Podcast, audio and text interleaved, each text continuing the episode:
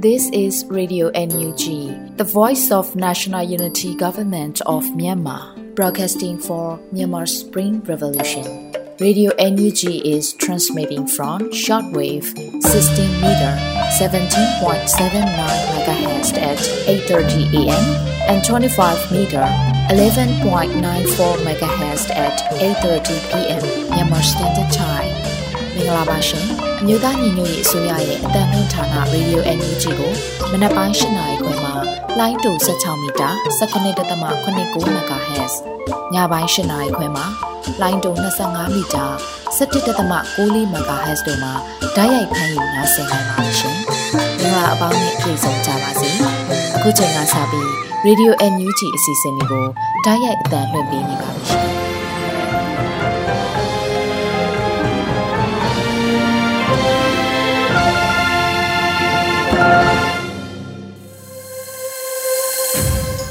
မြန်မာနိုင်ငံသူနိုင်ငံသားအပေါင်းတဘာဝပြီးစစ်အာဏာရှင်ပြီးတို့ကနေကင်ဝေးပြီးဘေးကင်းလုံခြုံကျန်းမာကြပါစေလို့ရေဒီယိုအန်ယူဂျီဖွဲ့သားများကဆုတောင်းမေတ္တာပို့သလိုက်ရပါတယ်ရှင်။ပထမဆုံးအနေနဲ့ကာကွယ်ရေးဝန်ကြီးဌာနရဲ့စီရေးတရင်အချင်းချုပ်ကိုနှွေဦးမိုးမှတင်ပြပေးမှာဖြစ်ပါရဲ့ရှင်။မင်္ဂလာပါခင်ဗျာ။အမျိုးသားညီညွတ်ရေးအစိုးရကာကွယ်ရေးဝန်ကြီးဌာနမှထုတ်ဝေသော နေ့စဉ်စီရေးတရင်အချင်းချုပ်များကိုတင်ပြသွားမှာဖြစ်ပါတယ်။ ပထမဆုံးအနေနဲ့စစ်ကောင်စီနဲ့တိုက်ပွဲဖြစ်ပွားမှုများကို တင်ပြသွားမှာဖြစ်ပါတယ်။ကချင်ပြည်နယ်တွင်2022ခုနှစ်ဧပြီလ9ရက်နေ့ကချင်ပြည်နယ်တနိုင်းမြို့နယ်တနိုင်းမြို့မှဆင်းလာသည့်အင်အား60ပါခလာရ238စစ်ကောင်စီခြေလင်စစ်ကြောင်းနှင့်ကချင်လွတ်မြောက်ရေးတပ်မတော် KIA တို့သည်ဒွန်ဘုံနှင့်လဝါကျေးရွာကြား၌တိုက်ပွဲဖြစ်ပွားခဲ့ပြီးထိခိုက်ကြဆုံးမသိရှိရသေးကြောင်းသိရပါသည်။ ကရင်နီကယားပြည်နယ်တွင်2022ခုနှစ်ဧပြီလ6ရက်နေ့ကရင်နီကယားပြည်နယ်ဖရူဆိုမြို့နယ်ထီပေါ်ဆိုအုပ်စုအတွင်းနယ်မြေရှင်းလင်းနေစဉ်စစ်ကောင်စီတပ်နှင့် KNDF B15 BO4 တို့ထိတွေ့တိုက်ပွဲတနအီကြာဖြစ်ပွားခဲ့ပြီးထိခိုက်ကြဆုံးမှုများမသိရသေးကြောင်းသိရပါတယ်။ချင်းပြည်နယ်တွင်2022ခုနှစ်ဧပြီလ9ရက်နေ့ချင်းပြည်နယ်မတူပီမြို့အခြေဆိုင်စစ်ကောင်စီတပ်ရင်းများမှ စင်းကြိုသည့်စစ်ကြောင်းသည် မတူပီမြို့28မိုင်သို့ရောက်ရှိချိန်၌ CDF မတူပီထောင်ထားသည့်မိုင်းလေးလုံးပြင်းထန်စွာပောက်ကွဲခဲ့ရာစစ်ကောင်စီတပ်သားတေဆုံးအရေးအတွက်မသိရသေးကြောင်းသိရပါတယ်။စကိုင်းတိုင်းတွင်2022ခုနှစ်ဧပြီလ6ရက်နေ့စကိုင်းတိုင်းမင်းကင်းမြို့နယ်ပြားသုံးကျေးရွာအနီးစစ်ကောင်စီတပ်သားများကို TTPDF မှမိုင်းဆွဲတက်ခတ်ခဲ့ရာစစ်ကောင်စီတပ်သား2ဦးတေဆုံးခဲ့ကြောင်းသိရသည် 2022ခုနှစ်ဧပြီလ9ရက်နေ့စကိုင်းတိုင်းရင်းမပင်မြို့နယ်ဗန့်ပွေကျေးရွာရှိတက်ဆွဲထားသည့်စစ်ကောင်စီတပ်သားများကို MRDA ချင်းတွင်းတော်လှန်ရေးတပ်ဖွဲ့ CRF ကြောက်လုံးကြီးအဖွဲ့ KLG တို့မှဝင်ရောက်တိုက်ခတ်ခဲ့ရာစစ်ကောင်စီတပ်သားများတေဆုံးခဲ့ပြီးအများအပြားဒဏ်ရာရရှိခဲ့ကြောင်းသိရပါတယ်။တနင်္သာရီတိုင်းတွင်2022ခုနှစ်ဧပြီလ9ရက်နေ့ညနေပိုင်းတနင်္သာရီတိုင်းမြိတ်မြို့မှပူလောဘတ်သို့ မောင်းနှင်လာသည့်စစ်ကောင်စီရင်တန်းကိုပူလောမြို့နယ်ကတဲရွာနှင့်တင်ငန်းတောရွာအကြားကတဲတရားအနီး၌မိုင်းဆွဲတိုက်ခတ်ခဲ့ရာစစ်ကောင်စီဘက်မှတက်ကြက်ကြီးတူတေဆုံးခဲ့ပြီးဒဏ်ရာရရှိသူအချို့ရှိသွားကြောင်းသိရပါတယ်။ရှမ်းပြည်နယ်တွင်2022ခုနှစ်ဧပြီလ9ရက်နေ့ရှမ်းပြည်နယ်အရှေ့ပိုင်းမိုင်းတုံမြို့နယ်မိုင်းထားဒေသရှိ RCSS SSA စခန်းတစ်ခုကို UWSA တစ်ခွန်တစ်စစ်ဒေသမှ ဝင်ရောက်တိုက်ခတ်ခဲ့ရာ၎င်းတိုက်ပွဲ၌ RCSS တပ်ဖွဲ့ဝင်9ဦးကြဆုံးခဲ့ပြီးဝတ်တပ်ဖွဲ့ဘက်မှလည်းအကြအဆုံးရှိခဲ့ကြောင်းသိရပါတယ်။ဆက်လက်ပြီးစစ်ကောင်စီကျွလွန်သောရာဇဝတ်မှုများကိုတင်ပြသွားမှာဖြစ်ပါတယ်။ကရင်နီကရားပြည်နယ်တွင်2022ခုနှစ်ဧပြီလ6ရက်နေ့ကရင်နီကရားပြည်နယ်ဒီမော့ဆိုမြို့နယ်စံပြ6မိုင်ကျေးရွာ၌နယ်မြေရှင်းလင်းရေးပြုလုပ်နေရင်မိရှုခံထားရသည့်ရုပ်အလောင်းတစ်ခုကို တွေ့ရှိခဲ့သည်ဟုသိရသည်2022ခုနှစ်ဧပြီလ6ရက်နေ့ကရင်နီကရားပြည်နယ်လွိုင်ကော်မြို့နယ်ပဒါကြီးကျေးရွာသို့စစ်ကောင်စီဘက်မှပစ်လိုက်သည့်လက်နက်ကြီးကြားရောက်သောကြောင့်နေအိမ်တစ်လုံးအပြစ်မဲ့ပြည်သူ2ဦးသေဆုံးခဲ့ပြီး4ဦးထိခိုက်ဒဏ်ရာပြင်းထန်ကြောင်းသိရသည်2022ခုနှစ်ဧပြီလ6ရက်နေ့ကရင်နီကရားပြည်နယ်ဖရူဆိုမြို့နယ်ငွေတောင်ရွာတစ်ရှိစစ်ကောင်စီတပ်များကလူနေအိမ်15လုံးခန့်အားအကြမ်းဖက်မိရှို့ဖျက်ဆီးသွားကြောင်းသိရသည်ချင်းပြည်နယ်တွင် 2022ခုနှစ်ဧဧပြီလ6ရက်နေ့ချင်းပြည်နယ်မင်းတပ်မြို့မှမတူပီမြို့သို့တက်သွားသောစစ်ကောင်စီရင်တန်း80ကျော်သည်မင်းတပ်မတူပီလန်းမိုင်းတိုင်း89 81 82 84ရှိစုစုပေါင်းရွာ၄ရွာကိုမီးရှို့ဖျက်ဆီးခဲ့ပြီးမီးလောင်အိမ်အရေးအတွက်မသိရသေးကြောင်းသတင်းရရှိပါတယ်။တနင်္သာရီတိုင်းတွင်2022ခုနှစ်ဧပြီလ4ရက်နေ့တနင်္သာရီတိုင်းလောင်းလုံးမြို့နယ်လောင်းလုံးမြို့အမျိုးသား၄ဦးကို နေအိမ်များ၌စစ်ကောင်စီတပ်မှဝင်ရောက်ဖမ်းဆီးခဲ့ကြောင်းဒေသခံများထံမှသိရပြီးဖမ်းဆီးခံရသည့်အမျိုးသား၄ဦးကိုလောင်းလုံးမြို့မှရဲစခန်း၌စစ်ဆေးနေကြောင်းသတင်းရရှိပါတယ်။မုံပြည်နယ်တွင်2022ခုနှစ်ဧပြီလ6ရက်နေ့မွန်ပြည်နယ်ပေါင်မြို့နယ်နေဒေါက်တာတန်းထိုက်အားအကြမ်းဖက်တိုက်ဖြတ်ရေးဥပဒေပုံမှ90ညဖြင့်တရားစွဲခဲ့ကြောင်းတို့ရတွင်တရားရုံး၌ပုံမှ90ညဖြင့်ညှိစွန်းကြောင်းတပ်တေတစုံတရာမပြနိုင်ဖြစ်နေသဖြင့် အကြမ်းဖက်တိုက်ဖြတ်ရေးဥပဒေပုံမှ52ကကြီးဖြင့်ထောင်ဒဏ်9နှစ်ချမှတ်လိုက်ကြောင်းသိရသည်မကွေးတိုင်းတွင်2022ခုနှစ်ဧပြီလ4ရက်နေ့မကွေးတိုင်းကန့်ကောမြို့နယ်ကန့်ကောကလေးလမ်းပေါ်ရှိထဲလော်ရွာကိုစစ်ကောင်စီမှဝင်ရောက်စီးနင်းပြီးတားအဖနှစ်ဦးကိုဖမ်းဆီးခဲ့ကြောင်းဖခင်ဖြစ်သူကိုလက်ပြန်ကြိုးတုပ်၍ရိုက်နှက်တပ်ဖြတ်မိရှို့ခဲ့ပြီးအသက်16နှစ်အရွယ်သမီးဖြစ်သူကိုအတ္တမပဒင်းကျင်ကတပ်ဖြတ်မိရှို့ခဲ့ကြောင်းသိရသည်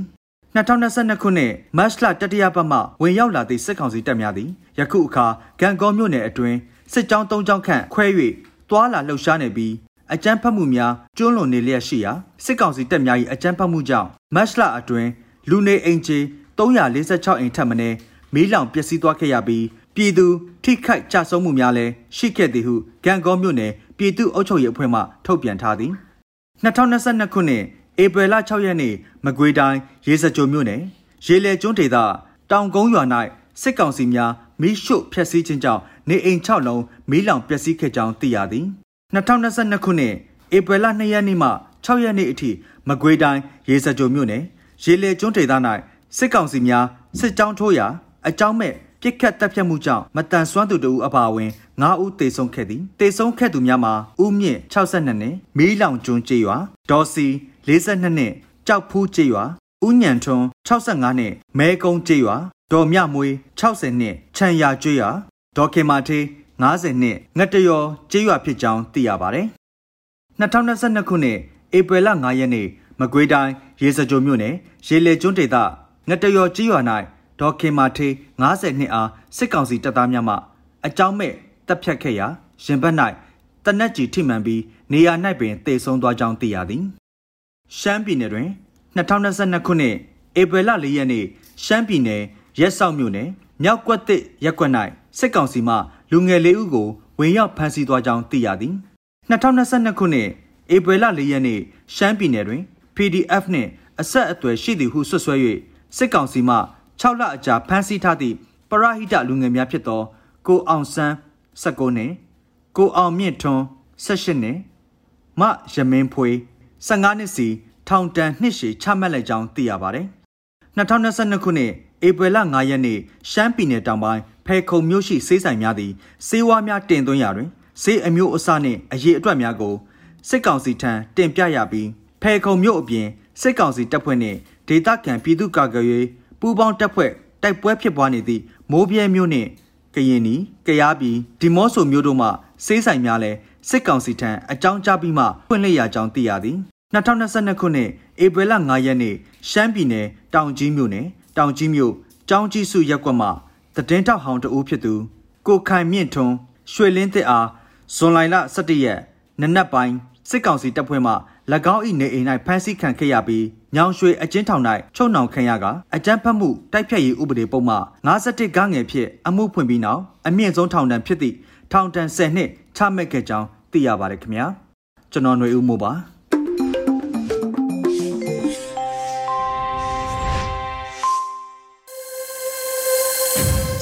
ဆက်လက်ပြီး Radio UNG ရဲ့နောက်ဆုံးရသတင်းများကိုຫນွေဦးမောင်မှဖတ်ကြားတင်ပြပေးပါမယ်ရှင်။မင်္ဂလာပါခင်ဗျာယခုချိန်ကစပြီး Radio NUG မျက်နှာခင်းသတင်းများကိုဖတ်ကြားတင်ပြပေးပါတော့မယ်ယခုတင်ပြပေးမယ့်သတင်းတွေကတော့ Radio NUG သတင်းတာဝန်ခံတွေနဲ့ခိုင်လုံသောမိဖက်သတင်းရင်းမြစ်တွေမှအခြေခံထားတာဖြစ်ပါတယ်ကျွန်တော်ကတော့ຫນွေဦးမောင်ပါအမျိုးသားညီညွတ်ရေးအစိုးရကာကွယ်ရေးဝန်ကြီးဌာနမှလက်ခံရရှိထားတဲ့ American Dollar တန်30ခန့်ကိုလက်နက်ခဲယမ်းဝယ်ယူခြင်းအတွက်60ရာခိုင်နှုန်းကျော်အချိုးကျခွဲဝေပြီးဖြစ်ပါတယ်လို့သတင်းရရှိထားပါတယ်။ဧပြီလ6ရက်နေ့မှာအမျိုးသားညီညွတ်ရေးအစိုးရကာကွယ်ရေးဝန်ကြီးဌာနကထုတ်ပြန်လိုက်ပါတယ်ခင်ဗျာ။ အဆိုပါ American Dollar တန်30ခန့်ကိုလေ့ကျင့်ရေးစရိတ်အတွက်4.9ရာခိုင်နှုန်း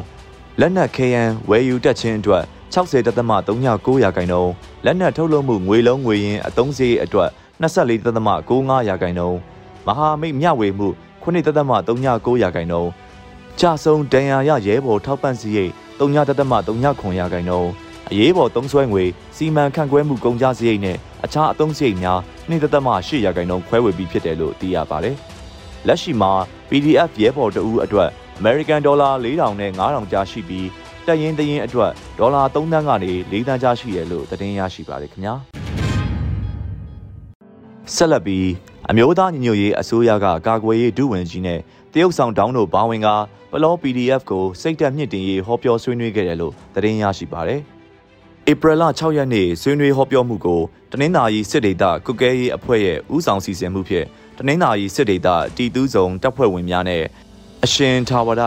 နိုင်ကောင်းရွက်ဒုကာကွယ်ရေးဝန်ကြီးဒေါင်းတရုတ်ဆောင်တို့သည်စိတ်ဓာတ်မြင့်တင်ရေးဟောပြောဆွေးနွေးခြင်းခေါင်းစဉ်ဖြင့်နေ့လယ်တနာရီတွင်ဆွေးနွေးဟောပြောခဲ့ပါတယ်။အစည်းအဝေးကိုကုတ်ကဲရေးရုံးမှတာဝန်ရှိသူမှအဖွင့်အမှာစကားပြောကြားပြီးစတင်ခဲ့ကာလိုအပ်သည်များအမှာစကားပြောကြားခဲ့ပါတယ်။ ဆက်လက်၍ဆရာတော်မှဟောပြောမှုစတင်ကပန်းပေါင်းလာဖို့အခက်အခဲကြားကနေစ조사ကြဖို့လူကိုလူလို့သာသိမြင်ဖို့အရေးချင်းရှိဖို့စ조사ကြရန်လူသားဆန်ဖို့လူပီသားဖို့ဓမ္မလမ်းကြောင်းကိုမမှန်ကန်ကန်ရှောက်လန်းဖို့မတရားမှုမှာကြားနေဝါဒမရှိကြောင်းခေါင်းဆောင်ကပြတ်သားရမည်ဖြစ်ကြောင်းတင်းမော့ကောင်းကောင်းလှုပ်ဆောင်မှုအကြောင်းမိန့်ကြားခဲ့ပါတယ်။ဟောပြောပြီးနောက်တပ်ဖွဲ့ဝင်များနဲ့ဟောပြောသူများအကြား အပြန်အလှန်မေးခွန်းမေးမြန်းဆွေးနွေးကဇုံတာဝန်ခံမှညီကုန်းချုပ်စကားပြောကြားခဲ့တယ်လို့သိရပါတယ်ခင်ဗျာ။ဆက်လက်ပြီးတင်ဆက်ပေးမယ့်သတင်းကတော့ရခိုင်ပြည်နယ်ဝန်ကြီးချုပ်ဦးညီပူနဲ့စီပန်ဝန်ကြီးဦးမင်းအောင်တို့မဲမတမာမှုပုံမှပုံမှ130ကကြီးနဲ့ငွေတန်9000ချမှတ်ခဲ့ရာတံငွေမဆောင်မဲထောင်လေးလကြာခံခဲ့ပါတယ်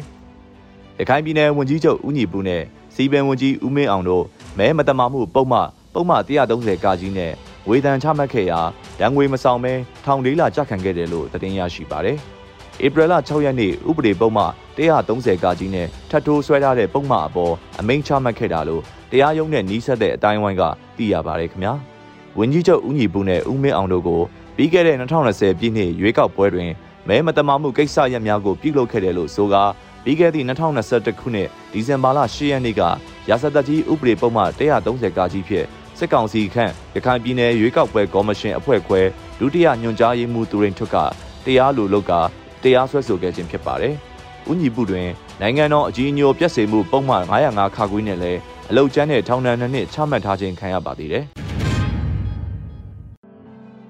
ဆက်လက်ပြီးတင်ဆက်ပေးမယ့်သတင်းကတော့မြန်မာနိုင်ငံအနောက်မြောက်ဒေသတစ်ခုထဲမှာတင်နေရစွန့်ခွာတင်းရှောင်ရသူဦးရေဟာပထမဆုံးအကြိမ်အဖြစ်လူ3သိန်းကျော်သွားခဲ့ပြီလို့ UNOCHA ကထုတ်ပြန်ခဲ့တဲ့သတင်းပဲဖြစ်ပါတယ်။မြန်မာနိုင်ငံအနောက်မြောက်ဘက်ဒေသတစ်ခုထဲမှာတင်နေရစွန့်ခွာတင်းရှောင်ရသူဦးရေဟာပထမဆုံးအကြိမ်အဖြစ်လူ3000ကျော်သွားခဲ့ပြီလို့ UNOCHA ကထုတ်ပြန်ပါတယ်။ဧပြီလ6ရက်နေ့မှာမြန်မာနိုင်ငံအတွင်းနေရစွန့်ခွာတင်းရှောင်သူတွေနဲ့ပတ်သက်လို့ UNOCHA မြန်မာကဖော်ပြခဲ့ပါတယ်။ ချင်းပြည်နယ်စကိုင်းနဲ့မကွေးတိုင်းဒေသကြီးတွေမှာဆက်လက်ပြင်းထန်နေဆဲတိုက်ပွဲတွေကြောင့်အဲ့ဒီဒေသတွေကလူသားချင်းစာနာမှုဆိုင်ရာအခြေအနေတွေဟာတိုးတက်ကောင်းမွန်လာခြင်းမရှိဘဲဆိုးဝါးနေဆဲဖြစ်ပါတယ်။ပြီးခဲ့တဲ့သတင်းပတ်အတွင်းချင်းမကွေးနဲ့စကိုင်းဒေသကပြည်တွင်းနေရဲ့စွန့်ခွာရသူဦးရေဟာတိတိတသာမြင့်တက်လာခဲ့လို့မြန်မာနိုင်ငံအနောက်မြောက်ဒေသတစ်ခုထဲမှာတင်နေရက်စွန့်ခွာတင်းရှောင်နေရသူဦးရေဟာပထမဦးဆုံးအကြိမ်အဖြစ်လူ3သိန်းကျော်သွားခဲ့ပါပြီ။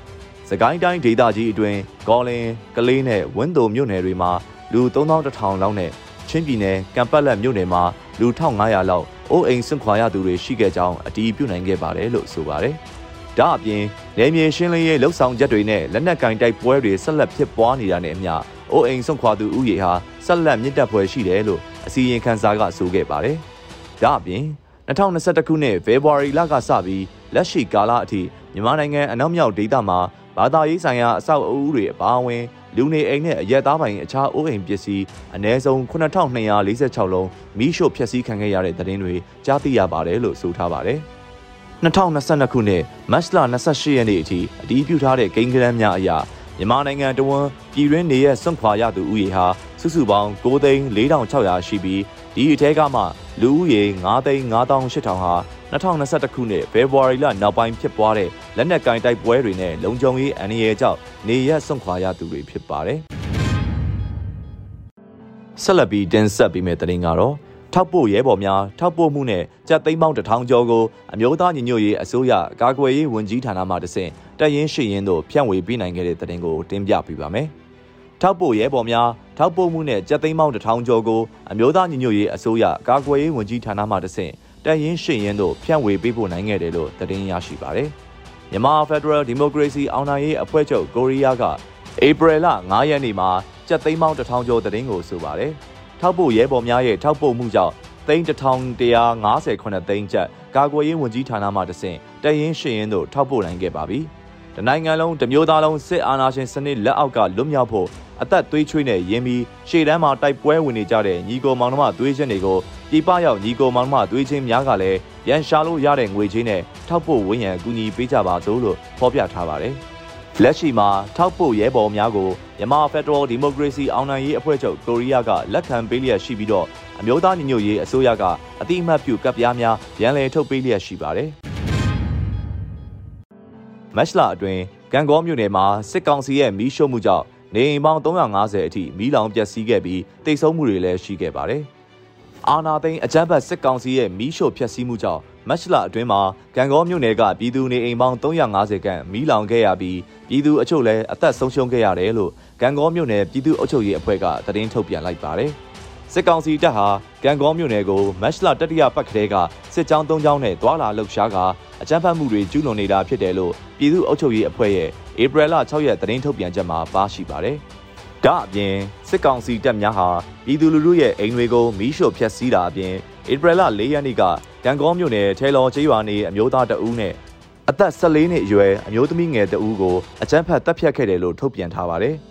စစ်ကောင်စီတပ်တွေကကံကောမြို့နယ်အတွင်းပိုက်စိတ်တိုက်သွာလာနေတာနယ်မြေရှင်းလင်းရေးအကြောင်းပြပြီးအကြမ်းဖက်မှုတွေဇက်တိုက်ကျူးလွန်နေတာတို့ကြောင့်ပြည်သူတွေအနေနဲ့လုံခြုံရေးအရာစိတ်ချရမယ့်အရက်ဒေသမှာသာနေထိုင်ကြဖို့မြို့နယ်ပြည်သူ့အုပ်ချုပ်ရေးအဖွဲ့ကအသိပေးထားပါတယ်။ဒါအပြင်စားနပ်ရိက္ခာပြတ်တောက်မှုမရှိစေရေးဂျိုတင်ပြင်ဆင်ထားကြဖို့နဲ့ပြည်သူအချင်းချင်းစာနာထောက်ထားကူညီပေးကြဖို့လည်းတတိပိနှိုးဆော်ထားတာတွေ့ရပါတယ်။ လက်ရှိစစ်ရေးအခြေအနေနယ်မြေဒေသအခြေအနေတွေကြောင့်ကံကောကလေးလမ်းပိုင်းနဲ့ကံကောထီးလင်းလမ်းပိုင်းတို့ကိုလည်းအရေးမကြီးပဲအကြောင်းမဲ့သွာလာတာတွေမပြုတ်ချဖို့လည်းကံကောမြို့နယ်ပြည်သူ့အုပ်ချုပ်ရေးအဖွဲ့ကတတိပေးထားပါတယ်ခင်ဗျာ။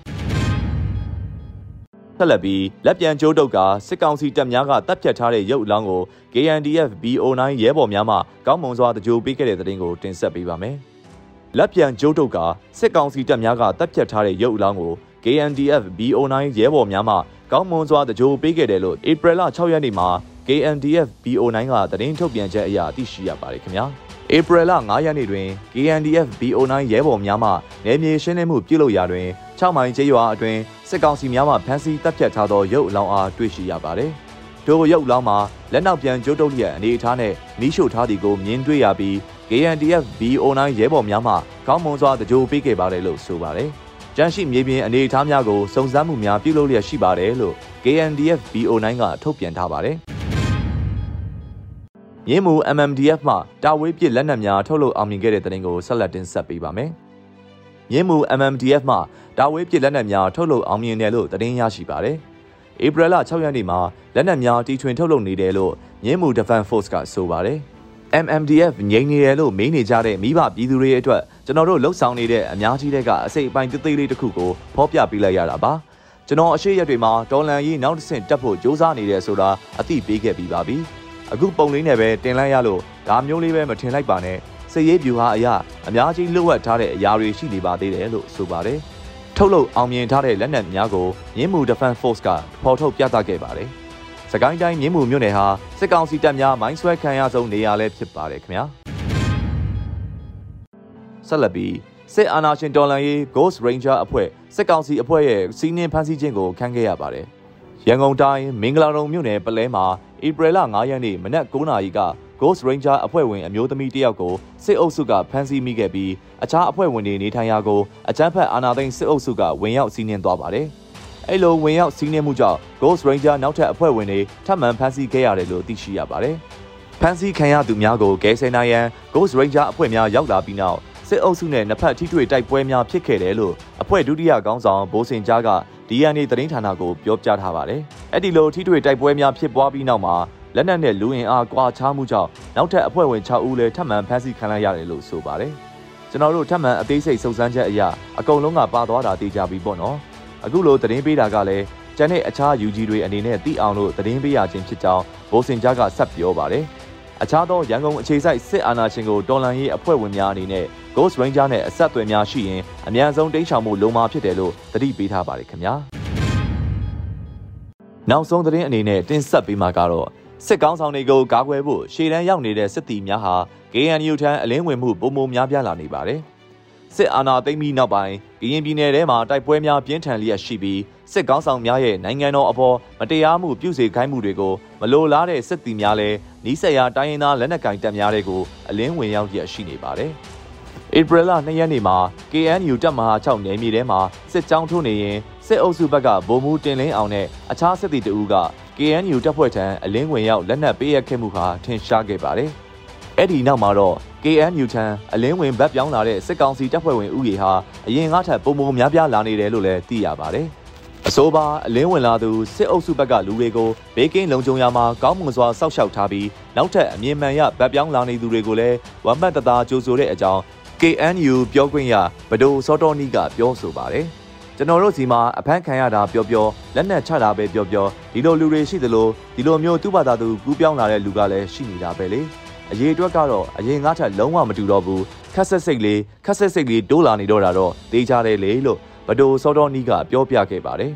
တက်မဟာ6နယ်မြေမှာတိုးပွားလာနေတဲ့စစ်အုပ်စုဘက်ကအလင်းဝင်သူတွေရှိနေတယ်လို့ပဲဘာပုံခရိုင်တပ်မဟာ9ဘက်မှာလည်းမှတ်တမ်းများအရလက်နက်ချအလင်းဝင်ရောက်လာတဲ့စစ်ကောင်စီတပ်ဖွဲ့ဝင်ဥယေဟာလည်း60ဝန်းကျင်ခန့်ရှိနေတယ်လို့မှတ်တမ်းတွေအရသိရပါတယ်။ စစ်ကောင်စီဘက်ကလူတွေအလင်းဝင်ရောက်လာတဲ့အပေါ်မှာယုံကြည်မှုမရှိဘဲစိုးရိမ်တကြီးတတိထားတဲ့ကြောင်ထောက်ပြမှုတွေရှိနေပေမဲ့လည်း KNU အနေနဲ့ကတော့လုပ်ငန်းသဘောအရလှုပ်ထုံးလုပ်နည်းများနဲ့အညီစနစ်တကျတော်လှန်ရေးတတိအမြဲရှိပါကြောင်းကိုလည်း KNU ခေါင်းဆောင်များကပြန်လည်အသိပေးပြောကြားထားခဲ့ပါတယ်။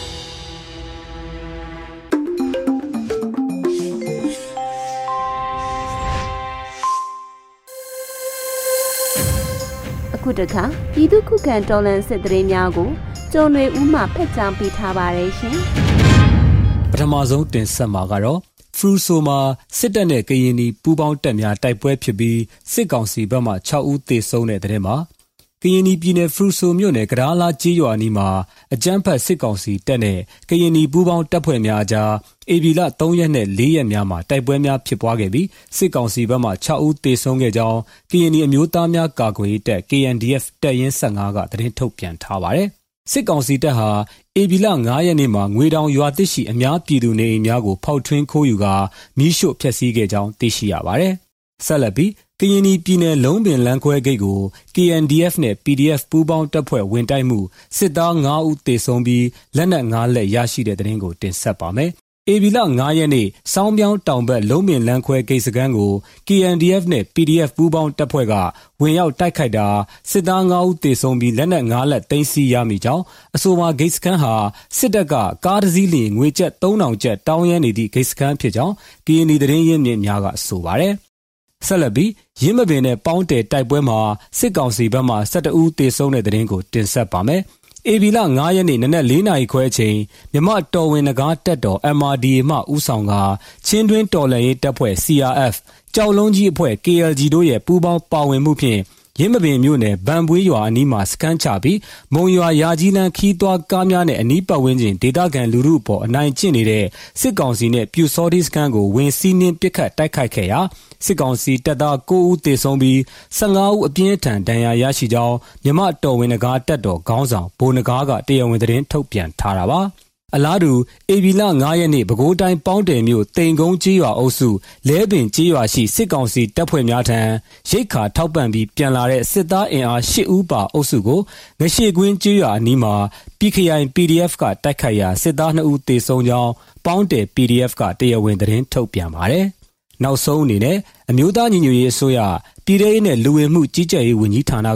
2022ခုဧပြီလ6ရက်ရက်စွဲနဲ့ထုတ်ပြန်ခဲ့တဲ့ပြည်သူ့ခုခံတော်လှန်စစ်တရင်အချက်လက်တွေကိုတင်ဆက်ပေးသွားမှာပါ။အာနာသိန်းအကြမ်းဖက်စစ်အုပ်စုရဲ့ပြည်သူလူထုအပေါ်အကြမ်းဖက်ဖိနှိပ်ဖမ်းဆီးတိုက်ခိုက်တပ်ဖြတ်နေမှုများကိုပြည်သူလူထုတရက်လုံးကအသက်ရှင်တန်ရေးအတွက်မိမိကိုယ်ကိုမိမိခုခံကာကွယ်ပိုင်ခွင့်အရာ ပြည်သူခုခံစစ် People's Defensive War ကိုဆင်နွှဲလျက်ရှိပါတယ်။တရင်အချက်လက်များအရ9ရက်4လ2022ရက်နေ့မှာစစ်ကောင်စီတပ်ဖွဲ့ဝင်80ဦးသေဆုံးပြီးထိခိုက်ဒဏ်ရာရရှိသူ28ဦးအထိခုခံတိုက်ခိုက်နိုင်ခဲ့ပါတယ်။စစ်အာဏာရှင်စနစ်မြမအမျိုးပေါ်မှအပြည့်တိုင်ချုပ်ငင်းရေးနဲ့ Federal Democracy တည်ဆောက်ရေးအတွက်ငြိမ်းချမ်းစွာဆန္ဒပြတဲ့လူထုတပိတ်တိုက်ပွဲများကပြည်내နဲ့တိုင်းဒေသကြီးများမှာဆက်လက်ဖြစ်ပွားပေါ်ပေါက်လျက်ရှိပါတယ်ခင်ဗျာ။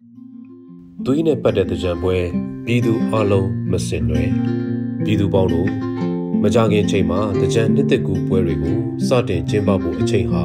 နီးကပ်လာပါပြီ။အဲ့ဒီနေ့ဟာညီမတို့ရဲ့နှစ်သက်ကူပျော်စရာနေ့ဒီပေါ့။ဒါပေမဲ့2021 February 10ရက်နေ့ကစလို့ပျော်ရွှင်ခြင်းတရားဟာအမိမြေကပျောက်သွားခဲ့ပြီးပျော်ရွှင်ခြင်းအစားပွဲတော်တွေအစားငိုပွဲတွေတော်လန်စိမ့်နဲ့နာကြီးလို့တောက်ခေါက်တန်တွေ ရေတော့ပေါ်အောင်အမည်ဆိုတဲ့ကြွေးကြော်တန်တွေနဲ့ဆန္ဒပြပွဲတွေသာနိုင်ငံအဝန်းစူးစူးညံနေခဲ့ပါလေအခုဆိုရင်အကြံဘက်အာဏာလို့စစ်ကောင်စီဟာចောင်းသားပြည်သူတွေထောင်ပေါင်းများစွာရဲ့အသက်တွေကိုနှုတ်ယူပြီးသူတို့ကဘူရှုသမင်းတွေအခမ်းအနားတွေနဲ့နိုင်ငံတော်ကြီးအေဂျင့်နေပြီလို့ပုံမှားရိုက်ချင်နေကြတယ်အခုဆိုရင်လဲစစ်ကောင်စီကတကြံကိုပြည်သူတွေရဲ့သွေးတွေမျက်ရည်တွေနဲ့ပတ်ဖို့မန်တပ်တွေကိုပြင်ဆင်နေကြပြီ ပြည်သူက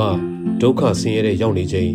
အာနာရှင်ကတော့ဂယုမဆိုင်ပျော်နေမြဲဆိုတာကိုပြသနေတာပဲဖြစ်ပါတယ်ပြည်သူလူကြီးခင်ဗျာဒီတစ်နှစ်နှစ်နှစ်အတွင်းတကြံမပျော်ရလို့ဘာမှမဖြစ်သွားပါဘူး။ဒါပေမဲ့စစ်ကောင်စီရဲ့စစ်ပနက်အောက်ရောက်ရင်နှစ်90ကျော်လောက်ပျော်ရွှင်ခြင်းတရားဟာထောင်ထဲရောက်နေရမှာပါ။စစ်ပနက်အောက်ကမယုံထွက်နိုင်တဲ့၍ကျွန်တော်တို့အားလုံးကိုဝမ်းနည်းမှုတွေအကြောက်တရားတွေက ဖိနှိပ်ထားနေဦးမှာပါ။ဒါကြောင့်ဒီတစ်နှစ်တကြံမှာကြာဆုံးသွားတဲ့သူရဲကောင်းတွေရဲ့အသက်တွေဘဝတွေမိဘပြည်သူတွေရဲ့မျက်ရည်တွေကိုဖယ်ထားပြီးလူသက်မိစ္ဆာစစ်ကောင်စီရဲ့ပြည်သူသွေးနဲ့ပတ်တဲ့တကြံပွဲကိုပြည်သူတရလုံးညီညွတ်စွာနဲ့တပိတ်မှောက်ကြပါစို့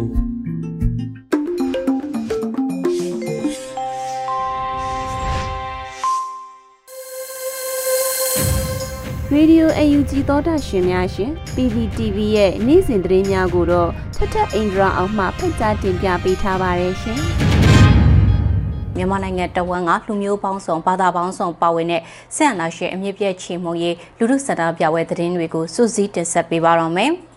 စကိုင်းတိုင်းရင်းမပင်ခရိုင်နယ်ကရင်းမပင်အရှိချမ်းနဲ့ဆလင်းကြီးမြောက်ချမ်းတို့ပူးပေါင်းထားတဲ့ရွာပေါင်းစုံတပိတ်စစ်ကြောင်းကလည်းဒီကနေ့မနက်မှာဆက်အနာရှင်စန့်ကျင်ရေး391ရက်မြောက်ဆန္ဒပြပွဲကိုပြုလုပ်ခဲ့ပါတယ်။ဆန္ဒပြပြည်သူတွေကတောင်တန်းမြေပြန်အတူချီတက်ဖက်စစ်ဝါဒအမြင့်ဖြတ်ဆိုတဲ့စာသားတွေကိုကင်ဆွဲပြီးတော့လှည့်လည်ဆန္ဒပြခဲ့တာပါ။အရတော်မြို့နယ်မှာအရတော်မြို့နယ်လူလူတပိတ်စစ်ကြောင်းကဥဆောင်ပြီးတော့စစ်အာဏာရှင်စန့်ကျင်ရေးဆန္ဒပြချီတက်လှည့်လည်ခဲ့ပါတယ်။ ရန်ကုန်လူငယ်တွေကတော်လန်ရေးတီပွဲတော်မဟုတ် Revolution is not a festival ဆိုတဲ့စာသားကိုချိတ်ဆွဲပြီးတော့တကြံမှာပျော့ပွဲရှင်ပွဲလုပ်ဖို့စီစဉ်နေတဲ့အကြမ်းဖက်စစ်ကောင်စီရဲ့လုပ်ရက်ကိုကန့်ကွက်ခဲ့တာပါ။လူထုကိုအချိန်မပြူတဲ့တကြံပွဲတော်ကျင်းပတာကိုပါဝင်ဆင်နွှဲခြင်းမပြုကြဖို့အတွက်ရန်ကုန်လူထုတပိတ်ကအခုလိုလှုပ်ရှားမှုကိုပြုလုပ်ခဲ့တာလည်းဖြစ်ပါတယ်။ ကချင်ပြည်နယ်ဖားကတ်မြို့မှာဆက်အနာရှင်စန့်ကျင်ချင်းမုံရေးတန်ပုံးတီဆန္ဒပြတပိန်းနဲ့ KIA PDF NUG ထောက်ခံပွဲကိုဒီကနေ့မနက်မှာပြုလုပ်ခဲ့ပါတယ်။ဆန္ဒပြပြည်သူတွေက KIA နဲ့ PDF တိုက်ပွဲတိုင်းမှာနိုင်ပါစေလို့ဆုတောင်းပေးခဲ့ကြပြီး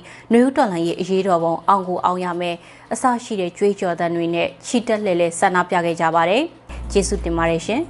။ဒီကနေ့ကတော့ဒီညနဲ့ပဲ Radio NUG ရဲ့အစီအစဉ်လေးကိုခਿੱတရနာလိုက်ပါမယ်ရှင်။ မြန်မာစံတော်ချိန်မနက်၈နာရီခွဲနဲ့ည၈နာရီခွဲအချိန်တွေမှာပြန်လည်ဆုံတွေ့ကြပါစို့။ Radio NUG ကိုမနက်ပိုင်း၈နာရီခွဲမှာလိုင်းတူ16မီတာ19.8 MHz ညပိုင်း၈နာရီခွဲမှာလိုင်းတူ25မီတာ17.6 MHz တို့မှာဓာတ်ရိုက်ဖမ်းလို့နိုင်စေနိုင်ပါပြီ။မြန်မာနိုင်ငံသူနိုင်ငံသားတွေကိုစိတ်နှပြကျန်းမာချမ်းသာလို့ဘေးကင်းလုံခြုံကြပါစေလို့ Radio NUG အဖွဲ့သူဖေသားတွေကဆုတောင်းမြတ်တာပို့တာပါတယ်ရှင်။ မြေသားညီမတွေအစိုးရရဲ့စက်တော်ရင်သတင်းအချက်အလက်တွေလုပ်ပြညာဝန်ကြီးဌာနကထုတ်လွှင့်နေတဲ့ Radio NUG ဖြစ်ဖြစ်ပါတယ်။ San Francisco Bay Area အခြေစိုက်မြန်မာမိသားစုတွေနဲ့နိုင်ငံတကာကစေတနာရှင်တို့အားပေးနေတဲ့ Radio NUG ဖြစ်ပါတယ်။အရေးတော်ပုံအောင်ရမည်